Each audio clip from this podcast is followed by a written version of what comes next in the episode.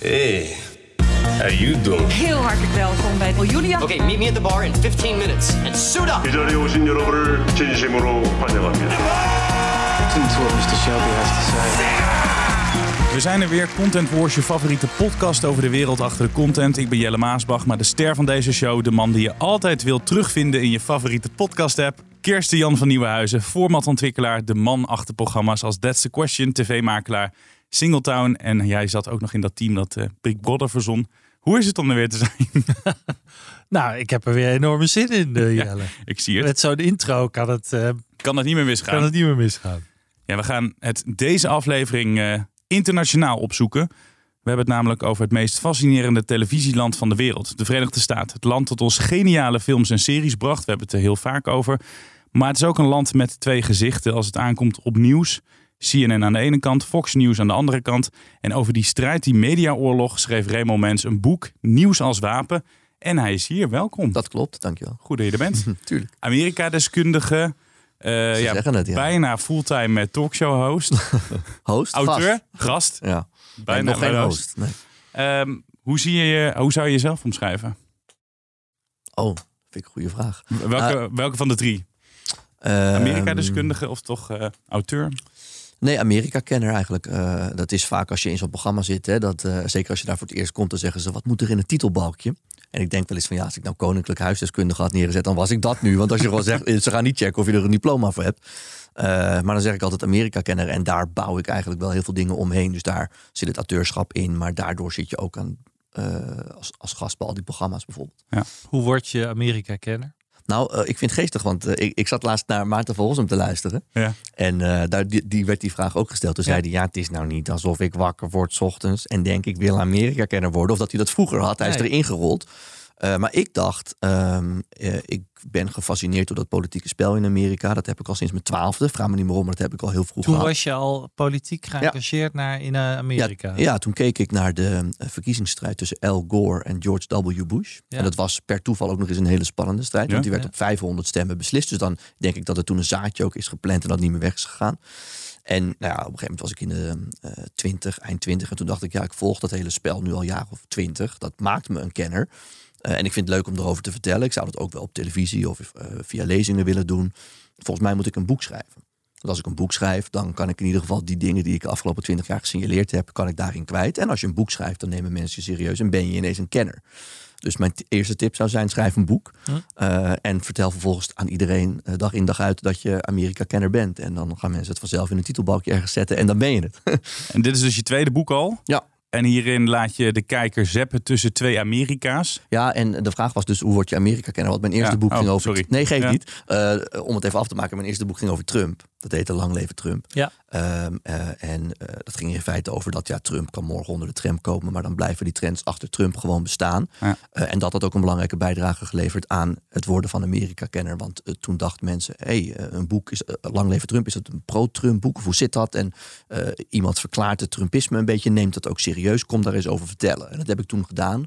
Bij op één was dat een keer.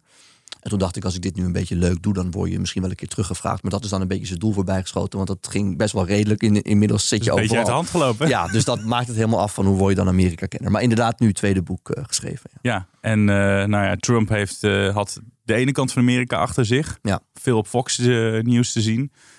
Andere kant is natuurlijk CNN. Je hebt het het over dat die Amerikanen tussen twee werelden aan het zeppen zijn. Dat zijn dan die twee werelden, links en rechts? Of is dat te kort door de bocht? Is Ja. CNN zo links eigenlijk? Is het echt zo? Staan ze echt Dat is een tegenover? beetje, eh, CNN is heel links, ja, ja, Ja. ja. ja. Althans, ze hebben onlangs een nieuwe directeur aangesteld. Daar kunnen we het misschien zo nog over hebben. Die eh, wil van koers wijzigen. Die zegt, we moeten eigenlijk weer terug naar waar we in de jaren 80, 1980 voor zijn Ja. opgericht. Namelijk die eh, eh, 24 uur nieuwszender. Maar die mensen vooral serieus nemen. En waar je voor een stukje duiding terecht kan. Eh, en we moeten af van die wedstrijd eh, verplassen met Fox News aan de rechterkant en MSNBC aan de linkerkant. Tijdens de Trump-jaren in het Witte Huis gingen zij daar heel erg in mee. En die directeur zegt: nee, we moeten weer terug.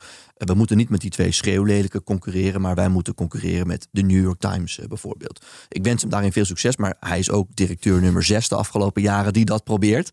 En uiteindelijk zie je toch dat de strijd om de kijker, meer, des te meer kijkers, des te meer geld, des te meer winst, dat dat er vaak voor zorgt dat ze toch in die eh, wedstrijd verplassen meegaan. En bijvoorbeeld in de Trump-jaren zich heel erg tegen Trump keren. Want het CNN heeft het, eh, het gaat niet zo lekker met CNN hè, de Nee, laatste nee. tijd. nee je, je merkt toch dat ehm, eh, bij die nieuwsstations, des te uitgesprokener je bent, des te meer kijkers dat trekt. En op de rechterflank is dat Fox News.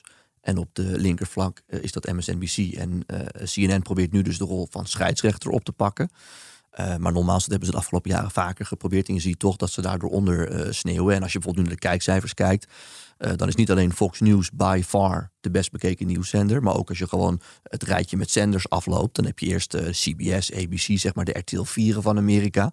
En op plek 4 of 5 staat al Fox News. Gewoon als het gaat om meest bekeken zenders. En dan heb je daarna nog een hele trits andere zenders, waaronder de Hallmark Channel. Die zenden dit, eh, deze tijd van het jaar allemaal kerstfilms uit. En daarna komt een keer CNN. Dus heel goed pijnlijk. gaat het niet. Nee, nee. Nee. Maar zij willen dus, want eh, jij zei van hoe zie je jezelf? Eh, ik zie mezelf als duider. Ik heb politicologie gestudeerd en ik wil gewoon duiden wat er gebeurt. En mensen moeten zelf hun mening vormen. Eh, dat vind ik belangrijk. En CNN wil dat ook doen. Maar die worden toch meegetrokken in dat moeras. waarin Fox News en MSNBC gewoon ontzettend veel kijkers trekken. En zij denken, ja, des te meer uitgesprokener wij zijn, des te meer kijkers wij ook trekken. Eh, en, en die strijd zie je bij CNN continu eh, zich afspelen.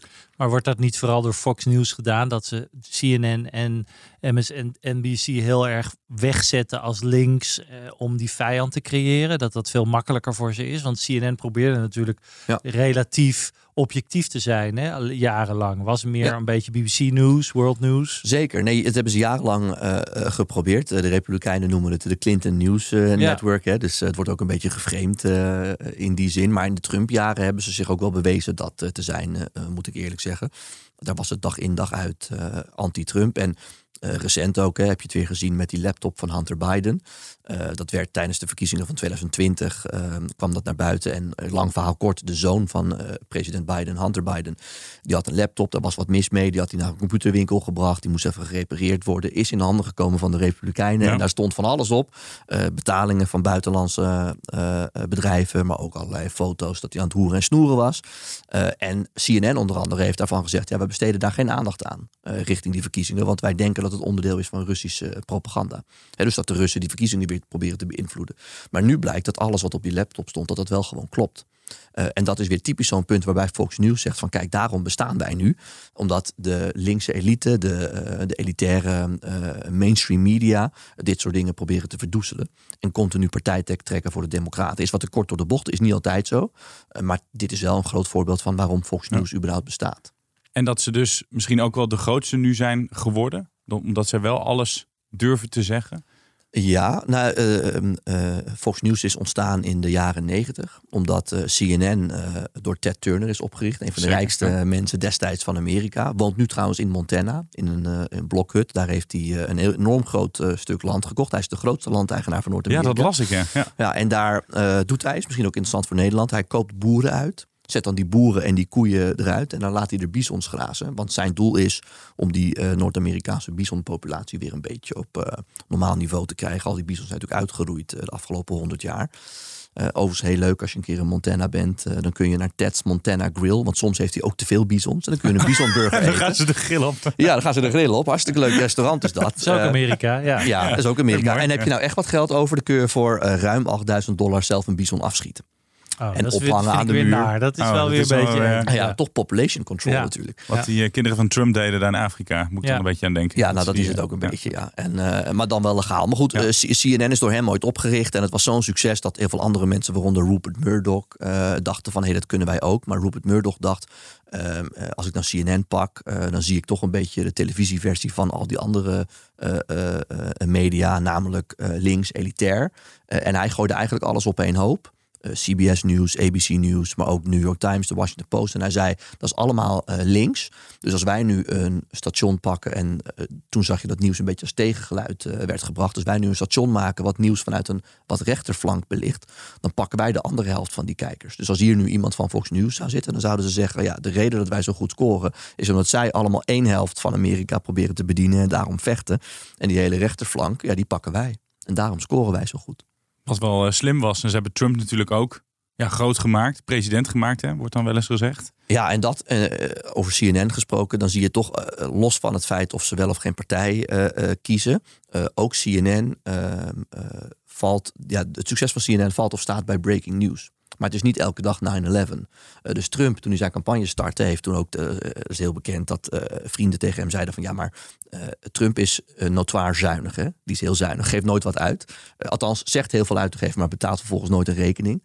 En toen hebben vrienden tegen hem gezegd, ja, maar u doet nu met die presidentsverkiezingen mee. Als u niet elke dag geld wil ophalen, en daar had hij geen zin in ja, dan moet u heel veel geld van uw eigen portemonnee gaan uitgeven om eh, reclamespotjes en dergelijke te kopen. En toen zei Trump de legendarische woorden: Als ik maar eh, veel genoeg eh, kabaal maak elke dag, dan heb ik geen enkel reclamespotje nodig. Want die nieuwszenders die willen elke dag nieuws uitzenden. Dus laat ik dat nieuws dan maar zijn. Ja. En dat heeft hij toen heel goed gezien. En CNN is daarin voorop gegaan, eerlijk gezegd. Dus Trump werd 's ochtends vroeg wakker. Vaak staat hij een uurtje of vier, vijf op. En dan ging hij twitteren toen hij nog Twitter had in zijn badjas.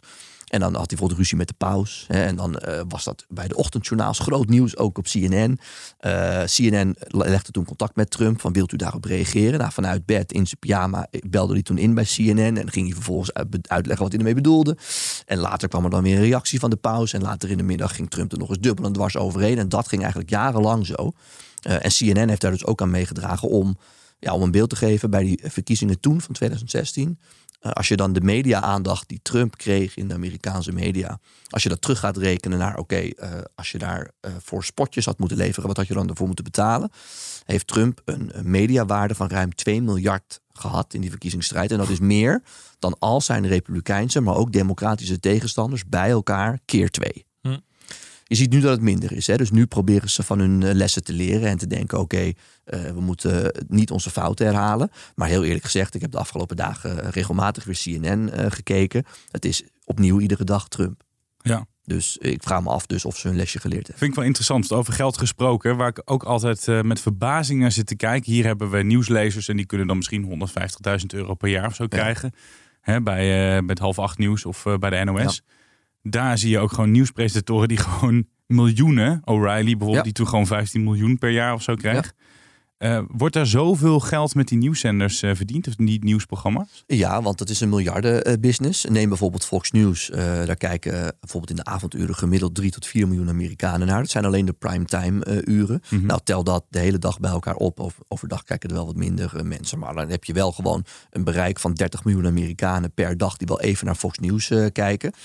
Dus er gaat ontzettend veel geld eh, in om. En je ziet eigenlijk, neem Bill O'Reilly, maar neem ook nu Tucker Carlson, die nu een van de gezichten van Fox News is. Ja. Eh, die verdienen allemaal ontzettend veel geld. Inderdaad, rond die 10 eh, tot 20 miljoen.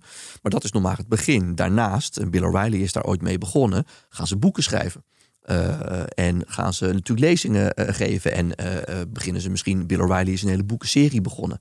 Eh, en, en, en daardoor komt er nog veel meer geld eh, in het Dat laadje. is een boek Dus over Kennedy, eh, niet heel slecht. Ja, jij bent de kenner. Ik, weet niet of ik heb jij dat boek van hem niet gelezen. Oh. Maar dat was Killing Kennedy. Ja, Ja. dat is een goed boek. Ja, want hij heeft dus ooit een keer een boek geschreven. Volgens mij, misschien begon het ook wel met Kennedy, dat weet ik niet meer. Maar dat was, laten we even zeggen dat dat zo is, dan was dat Killing Kennedy. En daar ging hij samen met een historicus. Die historicus zocht dan alles uit. En Bill O'Reilly en hij schreven het dan samen. Eh, schreven ze nou ja, over al die eh, complottheorieën rondom die moord. En probeerden ze uit te zoeken hoe dat nou echt is gegaan. En er gingen miljoenen exemplaren van over de toonbank. Nou, daar verdient hij dus tientallen miljoenen dollars aan. En toen dacht hij, hé, hey, dat is interessant. Dus inmiddels, inmiddels heeft hij Killing Lincoln, eh, Killing Elvis, eh, Killing the Killers, eh, Killing the Indians. Ja. Eh, heeft hij een hele boekenreeks van twintig boeken over Oh, eh, de hele Killing-serie. En het is een enorm groot succes. Wat wel grappig is bij heel veel Fox-presentatoren is dat ze vervolgens heel veel geld verliezen aan alle lawsuits die een seksuele, seksuele intimidatie. Want ik las zoal Ja, wat ze O'Reilly natuurlijk. O'Reilly, maar ook meerdere presentatoren bij Fox News die zijn allemaal hebben allemaal moeten betalen omdat ze allemaal zijn aangeklaagd wegens seksuele intimidatie en, Ja. eh, en nog erger. hè? Maar dat zijn niet de presentatoren zelf die dat dan moeten betalen, maar dat betaalt Fox News voor Dat- ze. hè? oh, is dat eh, zo? Ja, dat, Dat- wordt door de zender betaald. Ja. Ja, Oh, dat is dan wel Eh, weer apart. Daar zijn ook heel veel goede films eh, over. Wil je nou iets meer weten over Fox News, lees dan mijn boek. Maar je kunt ook, eh, als je wat meer wil weten over al die verhalen die jij net noemde, En we hebben hier Ja, hou ook, hem even eh, omhoog. we hebben hier camera's, dus we kunnen hem gewoon even, lijkt me heel verstandig. Ja. even in beeld houden. En eh, eh, als je wat meer wil weten over specifiek al die eh, seksuele escapades, dan heb je bijvoorbeeld een hele goede film, Bombshell heette die. Ja. Maar ook The Loudest Voice, een serie op HBO, waar Russell Crowe Roger Ailes speelt. Roger Ailes is door Rupert Murdoch naar voren geschoven om in de jaren negentig, en dat heeft hij ruim twintig jaar gedaan, Fox News te bestieren. Een van de belangrijkste mensen hè, bij Fox News. Ja, Roger Ailes was echt een televisieman, maar ook een politiek strateeg. Heeft onder andere gewerkt voor Richard Nixon, Ronald Reagan, eh, president eh, eh, Bush senior. En is toen gevraagd namens Rupert Murdoch om die zender te bestieren. En omdat hij natuurlijk republikeins strateeg was eh, en ook televisiemaker, wist hij heel goed hoe hij die conservatieve kijker aan zich kon boeien. Ja. Eh, en daar kan ik tal van voorbeelden voor noemen. Maar eh, het be- beste voorbeeld is daarvan dat hij zei. Joh, overdag hebben mensen die televisie aan als een soort aquarium. Dus mensen kijken daarnaar en ze horen half wat er gezegd wordt, maar ze willen vooral gewoon wat leuk zien. Dus alle vrouwen die bij ons presenteren moeten korte rokjes hebben en blond haar en veel make-up. Dat is gewoon een verplichting. En die vrouwen kwamen dan bij hem op kantoor om auditie te doen. En vervolgens werd gevraagd aan medewerkers om te vertrekken. Moesten die alleen bij hem blijven?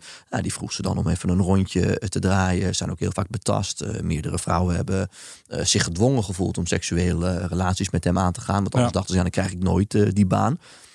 Bekend voorbeeld is Gretchen Carlson. Die een keer om jonge meisjes te ondersteunen. Er was een soort dag eh, van de make-up dat je eigenlijk eh, eh, dat ze eigenlijk in Amerika wilde laten zien aan jonge kinderen. Je hoeft niet altijd make-up op te doen. Dus zij heeft toen een programma een keer gepresenteerd zonder make-up. En die is daardoor door hem bijna ontslagen. Ja. Die zei van ja, maar de- zo gaan we hier niet te werk. Jij moet gewoon een beetje mooi zitten zijn hier. En zij is ook. ehm, eh, eh, toen ze hogerop wilde komen, eh, door hem seksueel aangerand. En dat heeft ze toen met haar telefoon ook opgenomen, die gesprekken waarin hij allemaal avances maakte. En dat heeft uiteindelijk een paar jaar geleden de exit van Roger Ailes eh ingeleid. Ja, en ook die- de exit van Gretchen Carlson trouwens, want haar deal was dat ze met een flinke schadevergoeding weg mocht. 16 miljoen heb ik gelezen, Ja, maar toch? ze mocht vervolgens dan, ze heeft bij het kruisje getekend, ze mocht Ja. dan nooit vertellen wat er precies gebeurd Nee. was daar. Nee. Daar wil ze nu onderuit komen, maar dat lijkt me heel Maar moeilijk. The Loudest Voice hè, was dat die serie. Ja, ja, dat is ja, wel echt een aanrader. Ja. En, Ehm, en Bill O'Reilly was daar ook onderdeel eh, Zeker, van. Dat hij ja. toch eh, allerlei opmerkingen had gemaakt richting vrouwen eh, of richting medewerkers die niet door de beugel konden. En dan heeft Roger Ailes vaak gezegd, nou betaal dat kreng maar, dan zijn we er vanaf. Maar op een gegeven moment stapelen die rekeningen zich natuurlijk op. En dan gaat ook Rupert Murdoch zich afvragen van, hé, waar gaat het geld allemaal heen? Maar dus ook veel narigheid, maar er wordt dus ook beter gekeken, er wordt Ja. meer geld betaald. Jij kan het goed vergelijken. Vind jij die ehm nieuwszenders daar beter dan de nieuwszenders hier in Nederland? Wat denk jij?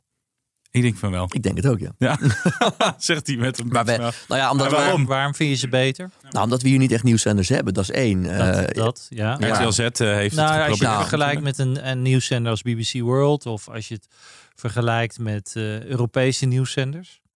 Nou ja, ten eerste vind ik het dus. eh, Ik vind goed dat RTL Z het probeert. Alleen eh, een aantal jaar geleden hebben ze dat wat meer geprobeerd. Hè. Toen Ja. hebben ze ook s'avons wat meer nieuws eh, proberen uit te zenden. Zijn Ja. ze redelijk snel van afgestapt. Ja. Ja, ik snap niet. In, in Nederland is toch bij uitstek. Maar daar gaat eh, jullie podcast voor een deel ook over televisieland. Eh, we hebben allerlei mooie formats uit Nederland.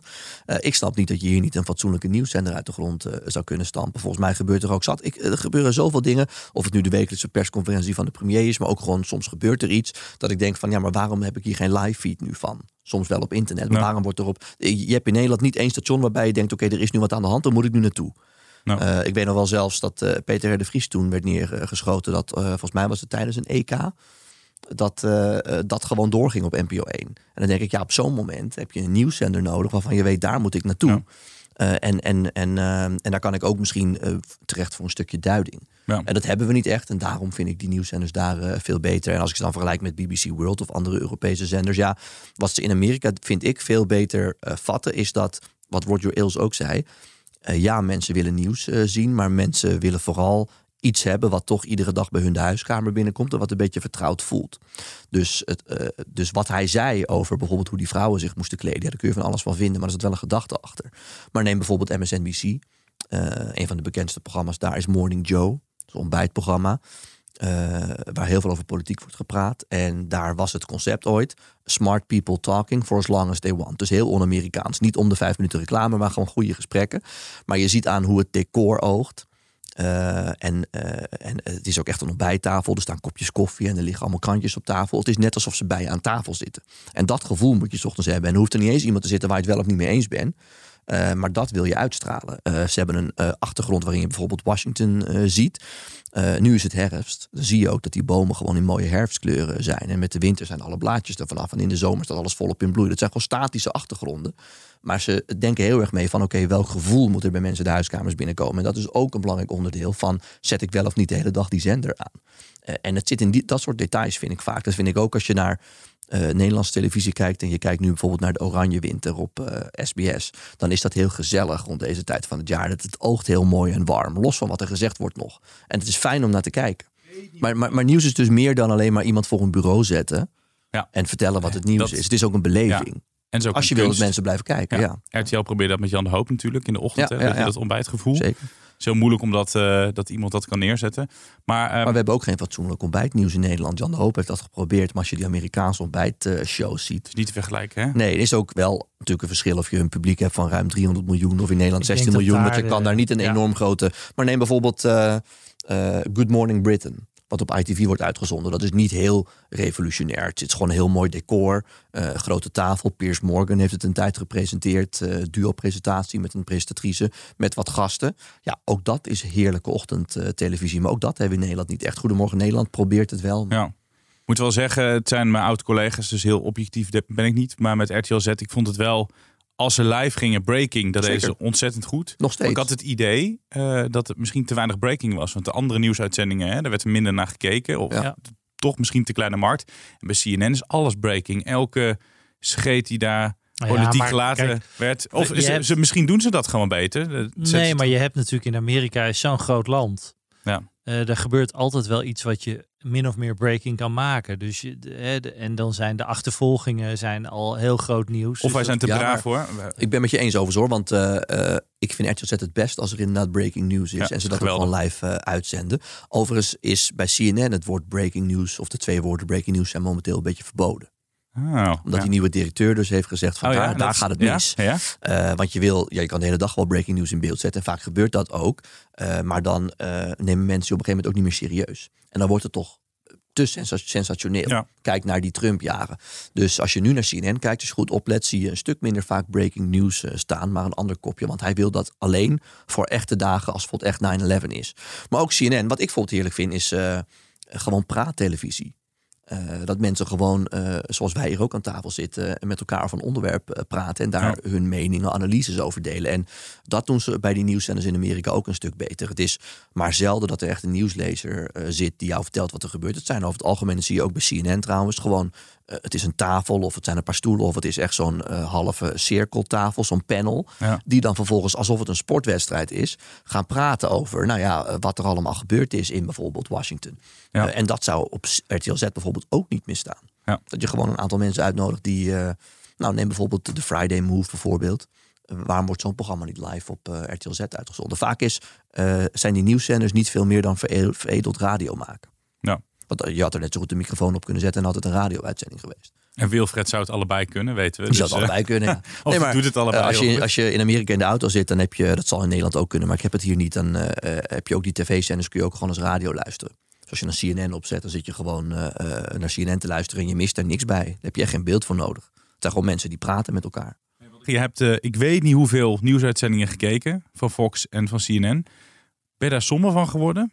Kan me voorstellen dat je denkt, jeetje, al dat, eh, al dat nieuws. Je hebt er een mooi boek van gemaakt, maar Nee, ju- juist niet. Omdat ik, ik vind het vooral gewoon heel erg interessant. En eh, dat was ook de reden om dat boek te schrijven. Kijk, eh, de voornaamste reden om het boek te schrijven was toen, eh, en daar begin ik het boek ook mee, toen eh, die tiener, Kyle Rittenhouse, eh, toen er in Amerika in verschillende steden eh, rellen waren, of nou ja, eh, demonstraties van eh, Black Lives Matter, eh, sympathisanten, maar die liepen soms wel eens uit de hand, eh, na de moord op George Floyd. Eh, toen stonden verschillende steden in brand, eh, zo ook Kenosha. Eh, een stad waar Kyle Rittenhouse, die toen 17 was, eh, bij in de buurt eh, woonde. En op televisie zag je die steden, op al die nieuwszenders zag je die steden in de fik staan. En ondernemers klaagden dat hun winkels werden overlopen en geplunderd werden. En de zorg was van, ja, kun je nog wel veilig over straat? Want de politie lijkt ook overlopen te worden. Dus die jongen dacht, daar ga ik wat aan doen. Dus die pakte zijn geweer, zijn machinegeweer is vervolgens naar die stad gereden, heeft een ondernemer gezocht en heeft gezegd: Kan ik uw winkel voor u beschermen? Dus die ondernemer zei: Ja, super blij dat je er bent, man. Ga voor de deur staan, want eh, ik trek het anders niet meer. De politie die daar was, hebben tegen hem en ook andere eh, jonge mannen die daar met wapens naartoe zijn gegaan gezegd: Ja, we zijn blij dat jullie er zijn. Want wij kunnen het ook niet meer aan. Nou, vervolgens is die jongen slaags geraakt met een aantal demonstranten. En daarvan heeft hij er twee doodgeschoten. Mhm. En dat was het moment dat ik dacht: oké, dit is interessant om iets over te schrijven. Want toen werd hij op Fox News als verzetsheld gezien.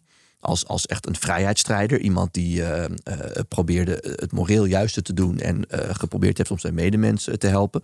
En op CNN, maar vooral MSNBC, werd hij als moordenaar gezien.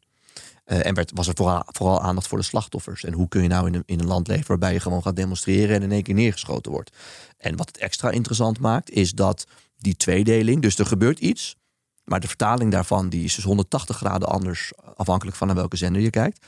En wat het extra interessant maakt, is dat het een rechtstreekse weerspiegeling is van de politieke tweedeling. Want toen er een rechtszaak kwam over dit voorval, voorval is Kyle Rittenhouse uiteindelijk vrijgesproken. Want de rechter zei, ja, hij mag een wapen hebben, Ja. hij mag dat wapen meenemen en hij mag zich er ook mee verdedigen. En dat heeft hij gedaan. En eh, toen zag je dat eh, nou, eh, Joe Biden daar schande van sprak. En zei van, hoe kunnen we in zo'n land eh, leven? We moeten die boel echt eh, hervormen, als het gaat om Amerika's wapenwetten bijvoorbeeld. Maar daarna is die jongen, Kyle Rittenhouse, op Mar-a-Lago bij Trump als held ontvangen. En inmiddels is hij een van de best betaalde republikeinse sprekers. Als je hem op een congres wil hebben bij conservatieve bijeenkomsten, dan eh, ja, die jongen verdient er goed aan. Dus dan heb je dus één set aan feiten, maar de vertaling daarvan verschilt 180 graden. En dat is ook nog eens een afspiegeling van hoe de politiek daar verdeeld is. En dat Ja. maakt het interessant. Maar ik heb er dus heel veel naar gekeken. Maar ik vond het ook heel boeiend. Want we hebben net die seksuele escapades gehad.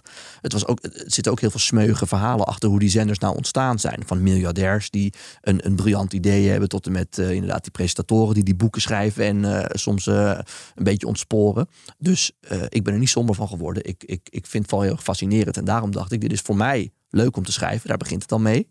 En B, is het volgens mij interessant om het te lezen. Dat is het zeker. Ja, maar ik werd er niet somber van, nee. Het is wat het is. Maar ik word sowieso niet zo gauw somber hoor. Ik, eh, dat heb ik door. Heel goed. nee, nee, maar ik, ik heb ook zoiets van, ik vertel gewoon hoe het is.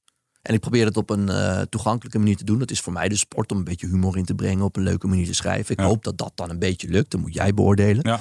Eh, maar dan is het aan de lezer om te denken, oh hier word ik somber van. En lekker Of van de hier word ik vrolijk QR-codes. van. Dan kan je zo kan je, kan je opzoeken. Kan je Ja. een YouTube-filmpje. Idee van de uitgever moet ik erbij zetten. Maar juist omdat je zelf je oordeel moet vellen. Maar ook omdat ik soms misschien dingen beschrijf, heel juicy, waarvan jij dan denkt van ja, maar is dat wel echt zo gegaan? Dan kun je inderdaad gewoon even de QR-code scannen en dan kun je bekijken of dat inderdaad echt zo is. Over eh, Juice gesproken. Ja. Zometeen eh, verhalen over VI. Ja, is goed. Leuke, leuke verhalen achter de schermen. Eh, maar eerst kijken we even naar eh, wie er deze week in de hoofdrol staat. In de hoofdrol. Eh, en dat is bijzonder, want het is eh, voor het eerst iemand die er niet meer is. Nee, we hebben een postume in de hoofdrol. Omdat eigenlijk eh, rond deze tijd, tien jaar geleden, is dat Jeroen Willems ons ontvallen is. Wat wordt wel gezien als een van de grootste Nederlandse acteurs.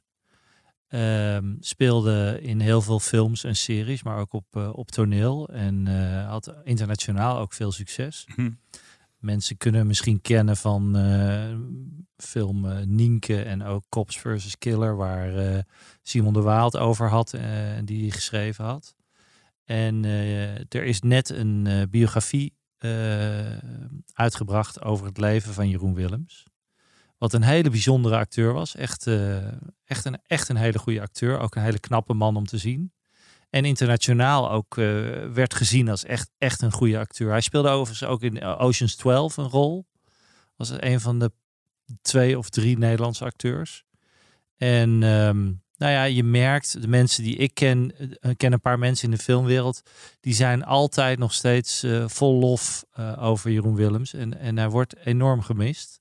En dat die biografie, ik mis eigenlijk nog een soort documentaire. Misschien is die er ooit wel geweest, maar had best gemogen even rond zijn tiende overlijdensjaar, zou ik maar zeggen. Nou, een mooie documentaire over hem zou ook wel, wel passen. Dus Jeroen Willems. nou mooi. Ja. Eerbetoon dat hij eh, verdient. Terug naar jou, eh, Raymond. Jij kan die zenders eh, goed vergelijken met hier, wat we hier hebben. Jij schrijft in, op één aan in VI. wat andere koek. VI Dat is wordt- Fox en Wordt, wordt meteen om gelachen. op één is MSNBC. Altijd als VI ter sprake komt, dan moeten mensen toch een beetje grinniken ook. Nou, omdat ik het, ik, wij vinden het allebei een leuk programma. Oké, Ja. ja, Ja hoor, we zijn fans. Ja. Wat vind je leuk Nou? Nou, ik vind het leuk A, dat het anders is dan alles wat er is. En ik vind die drie bromtoren vind ik wel leuk bij elkaar.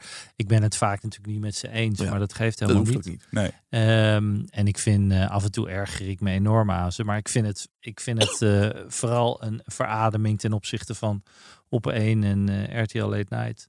En ik vind het heel slim en knap hoe zij toch elke dag zoveel mensen weten te bereiken. Ja. Ehm, wat ik wel lastig vind, en we hebben het er ooit wel eens over gehad, is natuurlijk af en toe dingen die zij roepen. En een heel grote groep mensen daarmee eh, eh, eh, toch bereiken. En om daar eventjes een, een link met, met Fox te, erbij te halen, is natuurlijk die polarisatie in Amerika. Die wordt wel alleen maar verergerd door dit soort nieuwsstations natuurlijk. Eh, en dat is af en toe waar je wel een beetje zorgen, ik althans zorgen over maak. Je denkt, komt dat ooit nog goed in zo'n land waar zo'n zender Ja. zoveel, zoveel invloed heeft? En vaak ook gewoon heel veel fake news brengt. Hè? De Fox News natuurlijk. Ook heel veel dingen waarvan je zegt van, moet dat een podium krijgen eigenlijk? Nou ja, kijk, eh, ik noemde net het voorbeeld van Kyle Rittenhouse, maar we kunnen het ook hebben over de Ja. verkiezingen van 2020. Ja. Als eh, de Of vertaling van klimaatontkenning eh, bij Fox News. Of Nee, maar als je, als je als land, als samenleving geen, gezamenlijk, geen gezamenlijke beleving meer hebt. Want je hebt, hè, dat is ook niet vaak zo, maar over het algemeen wel een bepaalde set aan feiten die waar zijn. Maar afhankelijk van welke nieuwszender je kijkt, is de interpretatie daarvan totaal anders.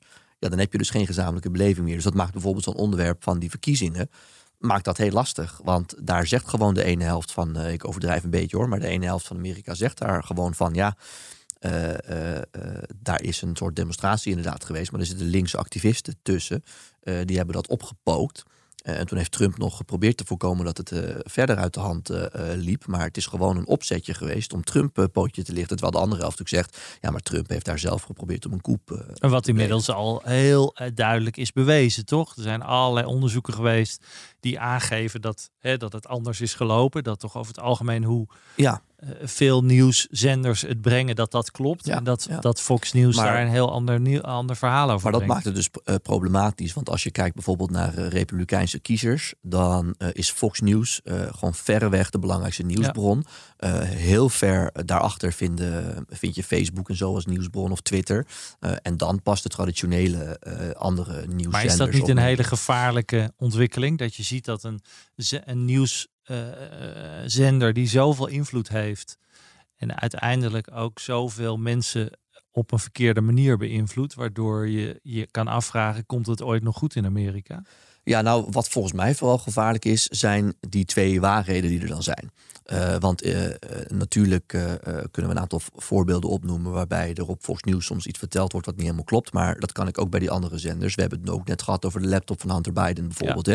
En dan kunnen we een hele discussie voeren van ja, maar zit er dan bij die andere zenders een hele kwade bedoeling achter? Of waren ze oprecht bezorgd over dat het misschien wel Russisch nepnieuws zou zijn? Dat geloof Wat ik allemaal best. niet raar is. Wat helemaal niet raar heel is. veel bewijzen van. Hè? Absoluut, absoluut. Wat helemaal niet raar is. Maar eh, zo zie je wel dat eh, er op beide partijen, vind ik nog steeds wat aan te merken valt. Hoor. Ik moet wel zeggen, ik word wel eens beschuldigd van both sidism. Hè, dus dat ik beide kanten heel erg probeer te pleasen. Maar ja, ik vind ook, ik, ik beschrijf gewoon hoe het is, hoe ik het zie. En ik probeer daar beide kanten kritisch mee aan te pakken. En dan moet de luisteraar in dit geval zelf maar oordelen. Maar neem bijvoorbeeld die verkiezingen. Kijk, Fox News is bijvoorbeeld een nieuwszender die ook met name overdag gewoon normaal nieuws uitzendt. Maar pas 's avonds, als die commentatoren komen, dan wordt het gekleurd. En die commentatoren, zoals Sean Hannity, eh, die Ja. heel succesvol is, die zeggen dan ook van ja, ik ben gewoon een columnist. Alleen ik ben geen columnist in de krant, maar een televisiecolumnist. Wat is daar mis mee? Eh, maar wat, dat, wat daar natuurlijk scheef aan is, jij lacht al, eh, Ja. wat daar natuurlijk scheef aan is. eh, eh, eh, Ted Koppel heeft dat ooit gezegd, een bekende Amerikaanse traditionele nieuwslezer. Die zei tegen Sean Hannity: Ja, er is ook niets mis met een columnist. Alleen in de krant maken de columnisten niet de voorpagina. En ook niet pagina 2, 3, 4 en 5. Die zitten ergens achterin. Maar jullie zitten op het best bekeken tijdslot van die zender, de avonduren. Ja. Eh, jullie zijn de belangrijkste gezichten van die zender. En jullie eh, brengen dan misschien je mening. Maar dat wordt door heel veel mensen gewoon als nieuws gezien. Dat is waar het misgaat. En Kijk, we hebben natuurlijk in Nederland Ongehoord Nederland, hè, die ook probeert vanuit een andere hoek het nieuws eh, te belichten. Neem de discussie met Zwarte Piet, maar ook corona. Daarvan zeggen zij van ja, maar deze en deze eh, eh, thema's mogen we, eh, die, ja, die worden op een te eenzijdige manier belicht. Die willen wij van de andere kant eh, belichten. Maar daar zie je natuurlijk dat het wringt met de NPO. Terwijl Fox News is natuurlijk gewoon een zelfstandig bedrijf. Dus die Ja. mogen in principe Ja. doen wat ze willen. Alleen die moeten binnen de kaders van de wet opereren. En daar wordt het interessant. Want eh, Fox News bericht dus overdag gewoon objectief nieuws. Eh, dat doen ze ook als er verkiezingen zijn. Het was notabene Fox News die als eerste meldde dat Trump de verkiezingen verloren had. Dat Ja. de staat Arizona naar Joe Biden ging. Er werd gewoon eh, factual eh, bericht. Maar daarna, omdat je natuurlijk ook bij Fox News ziet dat de kijkers dat niet zo waarderen. Want ja, dit is toch de Trump-zender. Waarom hebben jullie nu Joe Biden als winnaar uitgeroepen? Zie je dat ze ook bij Fox News vol op het orgel gaan. En eh, continu elke dag berichten over dingen die er bij de verkiezingen mis zijn gegaan. Tot en met misschien wel gehackte stemmachines aan toe. En dan worden natuurlijk de fabrikanten van die stemmachines ook wakker. En die zeggen van hé, hey, maar dit pikken wij niet, want onze naam eh, wordt hier door de modder gesleurd. Dus er ligt nu een schadeclaim van ruim een miljard eh, dollar bij Fox News. Kijk, en of, of die er doorgaat, is, is maar een tweede. Maar daar vindt nu een rechtszaak over plaats. En ja, dan zien we natuurlijk een beetje wat de grenzen zijn. van wat er op die zender gezegd mag worden. Maar Nederland, eh, bij Ongehoord Nederland bijvoorbeeld, wringt het des te meer. omdat de NPO daar natuurlijk ook nog wat eh, van kan. nou ja, de NPO heeft natuurlijk een aantal basisregels waar ze zich aan moeten houden. Eh, journalistieke regels, hè, van hoor, wederhoor, Ja. en dat je feiten behandelt en dergelijke. En daar moeten ze zich aan houden en daar worden ze op aangesproken. En dat is natuurlijk het gevaar bij een Fox News. die, die, waar bij andere nieuwszenders zich vaak toch beroepen op een journalistieke eh, eh, eh, regels, zou ik maar zeggen. Laten ze dat bij Fox News grotendeels natuurlijk ook los. In ieder geval in de avond. Ja, maar dat geldt voor andere zenders ook. CNN, zeg ik net al een paar keer, die proberen dat wel te veranderen. Maar neem Ja. bijvoorbeeld MSNBC, ook ontzettend succesvol. Daar zitten dan op de linkerflank ook iedere avond mensen in de camera te praten. En die geven ook hun mening. Dus eigenlijk dat is ook het gevaar in Amerika dat die polarisatie wordt alleen maar erger gemaakt door die twee eh, eh, nieuwszenders die zo sterk tegenover elkaar staan. Ja, en die mensen die dus in de avonduren daar, dat noem ik dan eh, de, de pratende hoofden of de televisiecolumnisten, die daar dan de zendtijd vullen, die als die hier aan tafel zouden zi- zitten, dan zouden ze zeggen, maar ik denk misschien dat Arnold Karskens dat misschien ook wel zou zeggen, die zeggen, ja, wij zijn geen journalisten. Wij geven hier onze mening. Ja. dat doen we wel op basis van feiten, maar ik ben gekleurd ook. En iedereen weet ook, hè, Sean Hannity heeft ook wel eens gezegd, iedereen weet dat ik conservatief ben, dat ik een republikein ben, ik schaam me er ook niet voor. Eh, en eh, eh, tijdens de Trump-jaren was het ook voor iedereen helder dat hij gewoon een één op één een lijntje had met de president. En hij wist ook dat de president een trouwe kijker was. Dus soms hoefde hij de president niet eens te bellen. Maar keek hij gewoon in de camera aan en zei hij van nou meneer de president, ik zou toch even zus en zo doen. Trump luisterde er overigens ook naar, want er zijn meerdere gevallen bekend van vergaderingen in het Witte Huis, waarbij A werd besloten. En dat Trump dan de dag daarna terugkwam en tegen zijn medewerkers zei van ja, ik heb even met Sean gesproken, het moet toch anders. Eh, dus eh, ik noem hem, hem in mijn boek ook een schaduwstafchef van eh, Donald Trump. eh, om aan te geven hoe groot die invloed was van die presentatoren. Maar dat is dus ook gewoon allemaal wel een openbaarheid. We Dus hadden dezelfde advocaat ook nog, hè? ook nog, ja. Ook nog, ja. En Trump. Ik begon eh, net mijn vraag eh, over vandaag in site. Toen kaapte jij het eh, met een vraag over iets inhoudelijks. Dat is eigenlijk ook nog nooit gebeurd. Maar, ik ben meestal voor de oppervlakkigheid. Helemaal waar. Love you long time. Nee, ehm, ik zie je elke keer daar shinen. Ik ken je, moet ik er eerlijk bij vertellen. Maar ik zie je Ja. daar elke keer. eh, Je doet het echt goed. Maar dan zit je daarbij vandaag in site. Eh, heel wat anders dan op één. En daar heeft Wilfred ook natuurlijk al eh, vragen over gesteld. En je zegt Ja. dat je vandaag in site dat dat beter past. Dat je dat leuk, leuker vindt. Nou, in ieder geval, ik vind allebei leuk. Maar in ieder geval, ja, leuk is misschien ook zo'n containerbegrip. Want vandaag in site is inderdaad leuker, ja. Ja, past meer één- bij je. Ja, maar op één is ook, ehm, dat is gewoon heel anders. Daar kun je heel serieus gewoon even tien minuten een soort klein verhaal vertellen. Dat heeft ook zijn charme. Wat is de kracht van dat programma van eh, VI? Nou, eh, ik zei net over Morning Joe, hè, dat ontbijtprogramma in Mhm. Amerika, wat heel succesvol is, dat het niet zo gescript is. Eh, smart people talking for as long as they want. En bij VI merk je ook dat het niet zo gescript is. Dus als ik bij op één zit eh, en er is bijvoorbeeld tien minuten voor een gesprek ingeruimd, dan kun je er wel eh, je vingers op natellen dat het gesprek ook tien minuten gaat duren. Terwijl misschien die presentatoren ook wel denken van hé, hey, je had misschien nog wel meer ingezeten, maar er zitten nog zes mensen te wachten. En andersom is het ook zo dat als ze denken van ja, dit is heel saai, maar dan maken ze toch even die vragen af. Eh, ik doe ze nu iets te veel af als robots, want dat zijn die presentatoren zeker niet. Maar het is wel gewoon een format wat gevolgd wordt. En uiteindelijk is dat dan pak een beetje 60 minuten. Terwijl bij VI is het veel minder gescript. Veel losser dan dat strakke. Veel losser, ja. Wordt wel iets voorbereid. Ik zie ook wel eens een draaiboek, maar dan zeg ik ook altijd tegen die redacteuren: ja, ik neem het serieus, maar ik verwacht verder niks hiervan. Dus ik kan me voorstellen als zometeen het lampje van die camera's gaat branden, dat het een totaal ander programma wordt. Omdat Wilfred het op zijn heupen krijgt of Derks eh, met een ander onderwerp begint. En dat is ook de charme van het programma. Dus ik denk dat het, het is minder gescript, dat is één. En twee, het zijn, eh, en dan kom je ook weer terug bij hoe die nieuwszenders dat doen. Het zijn bekende gezichten die je iedere avond in je woonkamer verwelkomt. En dat creëert een soort eh, vertrouwen en een soort, eh, eh, ja, een, soort van alsof je ze kent. Ja. Eh, en dat is bij die andere talkshows eh, lastiger, want daar zitten iedere dag andere mensen, zelfs andere presentatoren. Hè, maar neem Bo, die zitten wel iedere dag. Maar er zitten wel iedere dag andere gasten. Terwijl bij VI heb je gewoon iedere dag dezelfde gezichten. Eh, het is bijna alsof je een soort soap kijkt en iedere dag weer een nieuwe aflevering hebt. Je weet wie de hoofdrolspelers zijn. Ja. En ik en een aantal anderen zijn dan gasten, maar het is ook maar een beperkt poeltje. Dus het komt voor mensen denk ik heel herkenbaar eh, over. En dat is ook vaak mijn kritiek bij op één. Maar dat zeg ik ook altijd als ik daar ben. Dan zeg ik tegen die gasten, je hoeft, kijk, op één is een ander programma. Dus daar hoef je niet elke dag dezelfde mensen neer te zetten. Maar ik vind vier mensen aan een talkshowtafel al heel wat. Als ik s'avonds eh tv zit te kijken en eh, ik zie dan een heel peloton mensen daarachter zitten. Ik zit zelf ook wel eens op een stoeltje. En ik weet van, oh, die mensen komen zo meteen ook nog aan het woord. Ja, daar word ik al heel erg moe van. Ja. Dus ik zeg ook altijd tegen op één, ik vind jullie leukste uitzendingen. Heb ik zelf ook een paar keer in een uitzending meegezeten. Ook met Johan Derksen nog bij op één. Dat je maar met vier of vijf mensen aan tafel zit. Dat is, is genoeg. En dan kun je echt een gesprek met elkaar hebben. In plaats van hij doet even zijn verhaaltje en hij doet vervolgens even zijn verhaaltje. En eh, dat zie je ook bij eh, VI. Daar steek je niet even kort jouw verhaaltje af. Het, het gaat van de hak op de tak.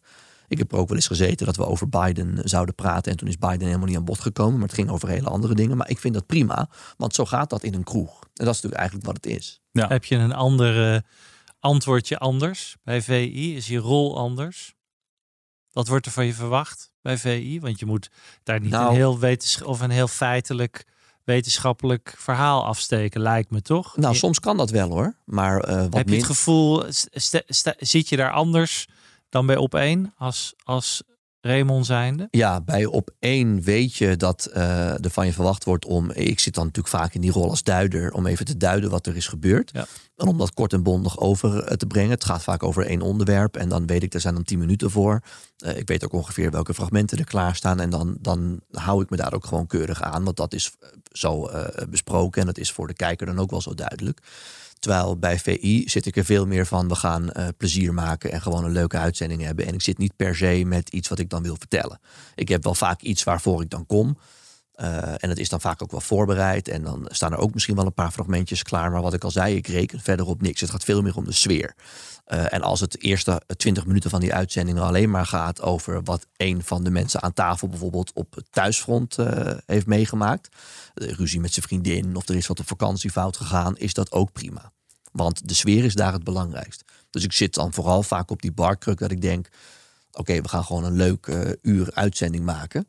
Eh, en eh, ik probeer daar als het kan af en toe wat eh, te duiden. Maar ook goed te luisteren naar wat er gezegd wordt. En af en toe even in te breken. En dat moet gewoon vooral gezellig zijn. Maar dat neemt niet weg dat ik soms, als het over de verkiezingen gaat. of over, ook over mijn boek. heel inhoudelijk daar kan vertellen. Alleen daar heb je niet tien minuten dan voor. Dat moet wel snel. Ik pak overigens wel eens tien minuten. maar dan zeg Johan, hou je bek even. het, moet, het moet wel kort, hè? Maar het is, eh, het is leuk om daar elke keer eh, terug te keren. Ja, Deze vind ik week wel. twee keer een kijkcijferrecord. Boven de miljoen kijkers. Kijk even jou aan. Dat is, dat is Ja, knap, hè? Dat is heel knap. Ja. Waar ik Daar, heel daar, erg om... daar zitten ze bij SBS eh, feest om te vieren. Ja, Ja, eindelijk, eindelijk een keer een programma boven Ja. met, eh, met meer dan een miljoen kijkers. De allerleukste aflevering elk jaar weer vind ik als het directeurtje langs Ja, komt als Sinterklaas. Dat was dit jaar ja. geniaal. Ja, echt fantastisch. Ja. Maar bij ehm, op één dachten ze dat ze dat ook konden doen. Met Jan Slachter, heb jij dat gezien, Kirsten? Ja, daar is- er was een slagpartij achteraf. Hè? Wat was dat treurig, zeg? Ja, Ma- Marco eh Laurens, als ik... eh, Ja. Directeurtje, is ja. ongeëvenaard. Die is, Ja. echt, die is echt grappig. Ik denk misschien als hij dan zijn hele kostuum en, en zijn vermomming aan heeft, dat hij zich misschien nog vrijer voelt. Het is echt gewoon bijna een halve cabaretier. Ja, ik Nou, denk ik, het. Want ik, ik, wil daar even een correctie op doen. De, de allergrappigste, Hans dat Steeuwen. zijn de Hans Theo bij Jiske Ja. Vet. Ja, ja, Die heeft natuurlijk de standaard neergezet van een zagrijnige, Die was heel leuk. levensgevaarlijke blijft Sinterklaas. een klassieker. Ja, dat blijft een En, en klassieker. eigenlijk doen ze hem allemaal na. Hè? Nee, maar Marco is wel, komt wel echt in de buurt. Die is wel echt heel goed. Maar dat van Jan Slachter, ik weet niet waar dat over ging. Ja. Dat Nou was een ja, beetje goed, terug. Dat heeft hij volgens mij zelf ook wel eh, inmiddels gehoord. Ja, Ja. ja, gehoord. Maar vindt hij dat zelf ook, denk je? Of Nee. denk je dat hij het nog steeds een succes vindt? Nou, dat weet ik niet. Ik, ik denk dat Jan, Jan Slachter is natuurlijk in heel veel dingen heel goed. En in andere dingen moet hij misschien wat meer laten. Nou, die, eh, die Marco heb ik een paar keer maar gezien hoor, maar dan even achter de schermen. En dat is in, ja, de indruk die ik van hem krijg is een hele rustige man. Vaak zit hij gewoon even achter zijn telefoontje of hij is met een paar mensen in gesprek. Heel rustig. Eh, heel vriendelijk, heel rustig. Eh, en ik denk inderdaad wat jij zegt, dat hij zich in die rol als Sinterklaas, maar dat zal iedereen hebben als je helemaal in die rol van Sinterklaas zit, voelt hij zich wat vrijer. En dan komt er een hele humoristische man naar buiten. En ik vind het ook altijd een van de hoogtepunten inderdaad van het jaar, die Sinterklaas-uitzending eh, van hun. Eh, en dat geeft aan, inderdaad, jij zei het ook al, hoe ver eh, zij natuurlijk eh, verschillen van al die andere talkshows. Zij zijn, ja, ze zijn wel een talkshow, maar het is meer een soort gevoel wat je bij die mensen hebt. Hè? Want er is geen andere talkshow denkbaar waarbij dan je uitkijkt naar, oh, dat Sinterklaas weer even langs komt, iedereen op de hak neemt. En dat moet je dus ook niet, en daar gaat Jan Slachter dus de mist in, moet je dus ook niet proberen te kopiëren. Nee. Dat is heel lastig. Wat ik wel vind, wat je kunt kopiëren, je hoeft hun programma niet 1, 2, 3 te kopiëren. En die sfeer is ook lastig. Maar neem bijvoorbeeld eh, waar die talkshows vroeger allemaal mee begonnen waren. Met Barend en Van Dorp. Ik kwam Frits Barend eh, eh, laatst weer ergens tegen. En toen had ik het er ook met Frits over. Dat toen ook met Barend en Van Dorp zaten er vaak maar twee gasten. Je hebt de standaard drie mannen. eh, eh, Barend, eh, Frits Barend, Henk van Dorp en Jan Mulder. Ja. En vaak soms zat Frits Wester erbij als politiek duider. En dan was er een hoofdgast. En dat was het dan. Er waren vijf mensen aan tafel. En ik denk dat dat een veel betere formule is. Dan hoef je ook veel minder gasten uit te nodigen. Steeds iedere avond maar weer. Voor bijvoorbeeld RTL of op één. Ik zei het net bij op één. je kunt ook met vier mensen uit de voeten. Maar als je bijvoorbeeld naar Jinek kijkt. Die heeft dan Roelof Hemme erbij gehaald. Ja, dan snap ik niet waarom ze Roelof Hemme in een hoekje achter een bar zetten. Zet die man aan tafel. Eh, Zet misschien nog iemand aan tafel. Dat je iedere dag een soort trio vormt. eh, waarbij je misschien iemand hebt die meer duidt. En iemand die meer zijn mening geeft. En Eva die het dan aan elkaar praat. En dan zoek je één of twee goede gasten bij. Nou. En dan heb je niet per se het format van VI gekopieerd. Want dat is heel anders. Maar dan creëer je denk ik wel een soort gezelliger huiskamergevoel. En dan zullen mensen zeggen van ja, maar Raymond probeert overal een show van te maken. En het gaat wel over het nieuws. Maar dan kun je nog steeds een heel serieus... eh Barend en Van Dorp hadden vaak 40 minuten lang een interview met één iemand. Ja, waar zie je dat nog? Tegenwoordig kun je als minister bij op één aanschrijven of ergens anders. En eh, door een spindokter gewoon eventjes gecoacht worden. Want je moet maar 10 minuten overleven en dan kun je weer naar huis. Waar zie je nog een goed interview van 40 minuten? Daarmee kun je ook onderscheiden van VI bijvoorbeeld. Nou, ik zie dat niemand doen. Nou, eens, die tafels moeten tegenwoordig zo groot zijn dat er, dat er 16 mensen aan kunnen. Maar Ja. ik ben daar ook echt totaal geen Ja, fan zo van. is prima als één programma dat doet, maar waarom doen ze dat allemaal? Ik snap dat niet. Ja, je zit eh, ja te knikken. Nou ja, ik denk dat het, het grootste probleem is dat ze bij VI een hele goede chemistry hebben. Wat ze natuurlijk weten van Ja. tevoren. En het gevaar is als je elke keer andere gasten uitnodigt, dat het doodslaat. Dus het gevaar is als je daar twee gasten hebt zitten die een uur moeten vullen. En die ene gast is niet zo leuk. en Ja. Die chemistry is er niet. Dan heb je een enorm probleem. Dus ze dekken zich in door met meer gasten daar te zitten. Ja. Zodat ze elk item... Nou, zij, zij Maar, moesten maar ook dat echt- komt omdat even Jinek dus alleen zit. Maar als je eh, twee eh, eh, mensen hebt die daar iedere avond bij zitten, zeven Roel of hem al, dus nogmaals, waarom zet je hem niet aan tafel? Dan is dat misschien weer wat makkelijker, denk ik. En ja, maar goed, dat proberen ze bij op één ook. En ze hebben het geprobeerd met tafelheren, wat ze natuurlijk in de vooravond Ja. doen. Dus ze proberen allerlei dingen. Het is helaas niet zo makkelijk als het lijkt. En het voorbeeld wat je geeft met Baant en Verdorp snap ik, maar dat is natuurlijk wel 25 jaar geleden. dat klopt. Dus het is, de tv is veranderd en de, eh, de aandachtspannen is veel korter van kijkers. Mensen willen snel en leuk verhaaltjes hebben. En het is al veel moeilijker afleveringen, bijvoorbeeld waar één gast heel lang is, doen ze heel af en toe. Hè, Ja. bij, eh, die scoren niet altijd heel goed. Dus dat is ook, je moet dan echt een goede gast hebben. En mensen moeten het ook leuk vinden. Want als ik niet geïnteresseerd ben in die gast, ben ik ook weg. Nou, en eh, jij hebt het over chemie. We moeten ook niet vergeten, en Johan Derksen zegt het ook wel eens, dat die gasten van VI ook jarenlange uitzendingen Ja, hebben gemaakt dat voor is 100 uniek. of 150.000 kijkers. En die zijn gegroeid hierin. En daarom doen ze het nu al 20 Ja. jaar. Dus je moet mensen ook de tijd eh, geven. Maar ik vind al in al, als je dat hele palet eh, zo bekijkt van ons. Eh, want mensen klagen vaak over die talkshows. Eh, ik zou dus zelf wat minder gasten aan tafel zetten. Maar al in al vind ik het helemaal niet slecht. Want je kan dus voor dat eh, gezellige kroeggevoel gewoon iedere avond bij VI terecht. Ik vind op één gewoon, als het gaat om gewoon serieus een aantal goede gesprekken voeren in een rap tempo, vind ik ze zelf heel goed. Ik schrijf daar met plezier aan. Ja. Iedere keer. Ik zit zelf zelden bij RTL, dus daar kan ik er wat minder over zeggen. Maar Kunnen we nu gewoon regelen, toch? Bij deze. Bij deze. Ja, oproep wie weet. eh, Raymond Mens, en naar- Raymond Mens met zijn boek bij RTL. prima. kennen we ook nog. prima. Ja hoor. Ja. Bo, vind ik heel fijn om naar te kijken. Ja. dus Ja, eh, misschien dat ik is- daar eens naartoe moet. Wij zijn grote fan van Bo. En Ja. Bo vind ik echt een hele goede presentator. En ik denk dat RTL probeert om er juist een beetje tussenin te zitten. Die willen natuurlijk iets Ja, meer show. Maar Bo duurt te lang. En Jinek trouwens ook. Ja. Dat moet een uur. En volgens mij vinden ze dat zelf ook wel. Maar heeft RTL gewoon gevraagd van, eh Oh, eh, ja, maak dat tijdslot vol. Die, ja. Ja, want VI is ook net lekker een uurtje. Nee, dat is lastig. Dat is budgetair is dat natuurlijk. iets langer, dan eh, is Ja. het goedkoper. is in coronatijd ook gekomen met heel veel programma's dat ze die gingen, gingen rekken. Soms na Ja, anderhalf al uur, pro- twee uur. Ook op primetime programma's zie je Ja. nu vaak langer, anderhalf, twee uur. En Ja. dat is puur budgetair. Dus het is gewoon meer voor minder. Of Ja. althans, het kost net zoveel en dan doen we hem een half uurtje langer. Ja, en als je vergelijking met die nieuwszenders eh, eh, wilt maken. Kijk, in een wereld waar veel mensen natuurlijk eh, s s'avonds lekker op de bank gaan eh, streamen. En gewoon eh, The Crown gaan kijken of een andere serie. eh, wanneer kijk je nou echt nog reguliere televisie? In mijn geval is het voor nieuws en sport. Ja.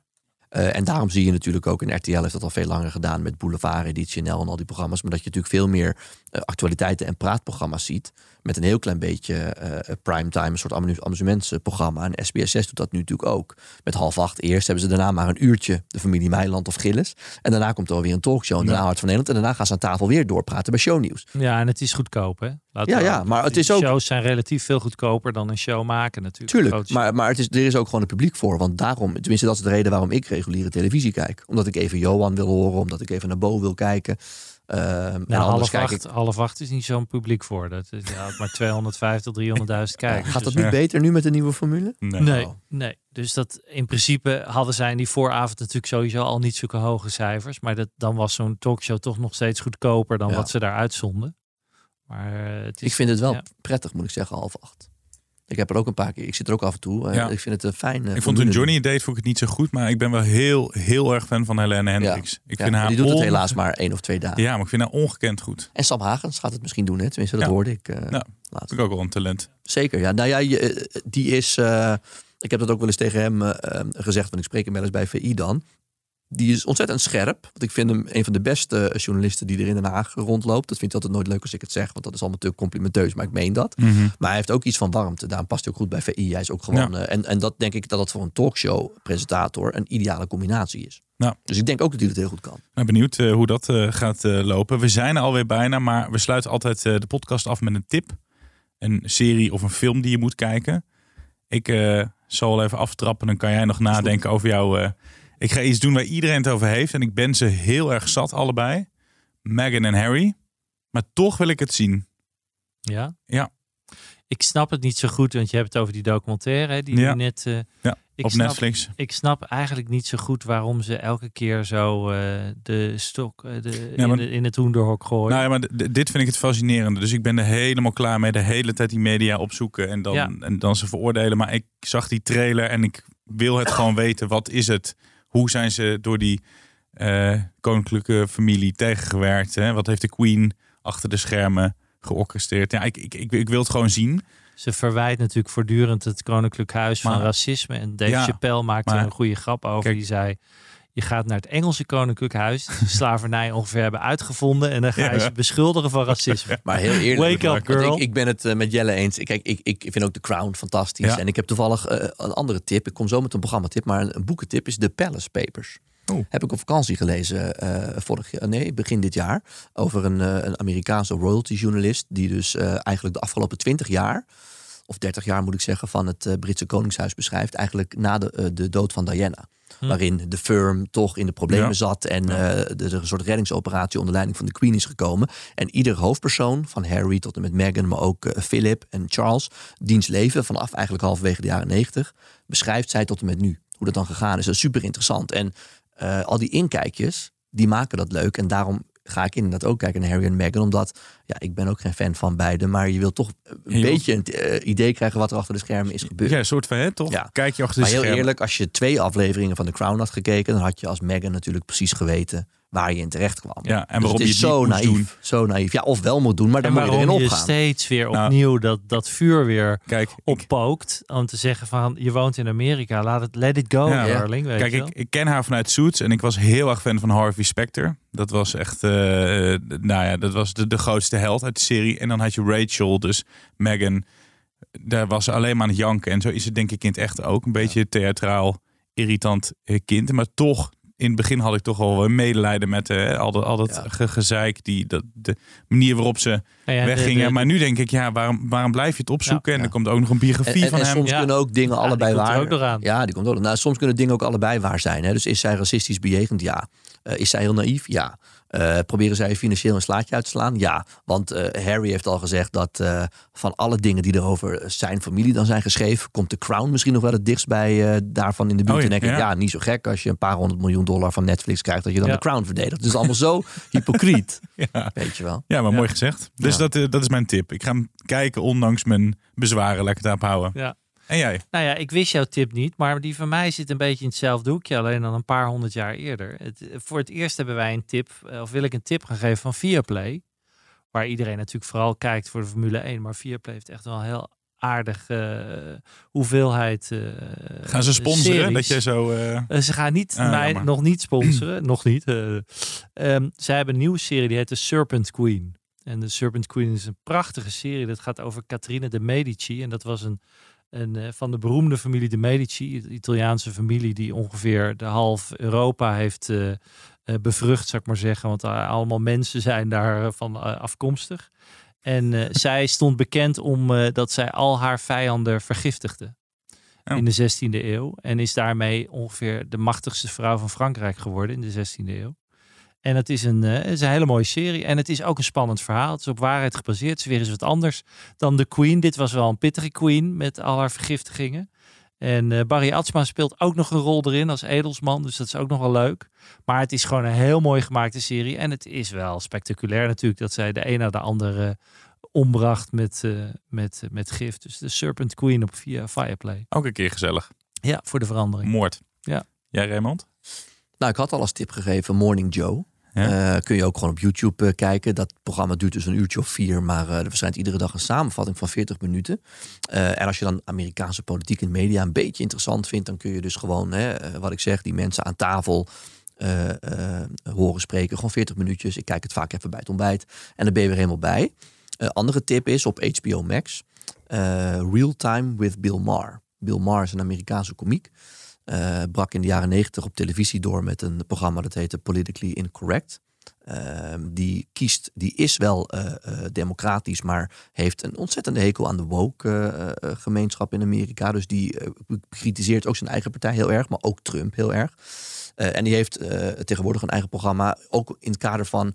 Eh, we hebben het net over die talkshows gehad. Waarom lijkt alles zo op elkaar? Hij doet het wat anders. Hij begint met een soort eh, stand-up eh, opening over de actualiteit van die week. Daarna heeft hij een gast, daar praat hij dan wat uitgebreider mee. En daarna gaat hij met een panel wat doorpraten, heeft hij wat leuke rubriekjes en dan is het alweer klaar. Maar het is heel leuk, iedere vrijdagavond. En het is te zien op HBO. Maar nu we ook HBO Max in Nederland hebben, kun je daar natuurlijk ook iedere week op kijken. Hij is volgens mij nu even ertussenuit met de kerst. Het begint in januari of februari weer. En ik zou zeggen, eh, ga dat eens kijken. Het duurt een uurtje, is echt grappig. En eh, je krijgt ook nog eh, wat actualiteit eh, mee. Dankjewel. Real Time with Bill Maher. Mooi. Top. Een keer inhoud eh, in deze podcast. Ja, Ook een keer voor de verandering. Raymond Mens, dankjewel. Alsjeblieft. Eh jij, Kirstian, eh, bedankt eh, dat jij was. Altijd fijn, hè? Je uitleg. Graag gedaan. Volgende week dan zijn we er weer. En dan gaan we het hebben over guilty pleasures. Dating shows. Guilty pleasure dating shows. Dating shows, ja. Dus Kirstian die het heeft over zuipende en hoerende, snoerende deelnemers. ja. En Wat wil je alles- nog meer? En alles wat er omheen hangt. Hè? Dating, maar iets breder dan dating. Maar wel heel veel eh, waar iedereen naar kijkt, ik maar zeggen. Niemand weet het meer Ja. dankzij ons, maar gewoon luisteren. Tot volgende week.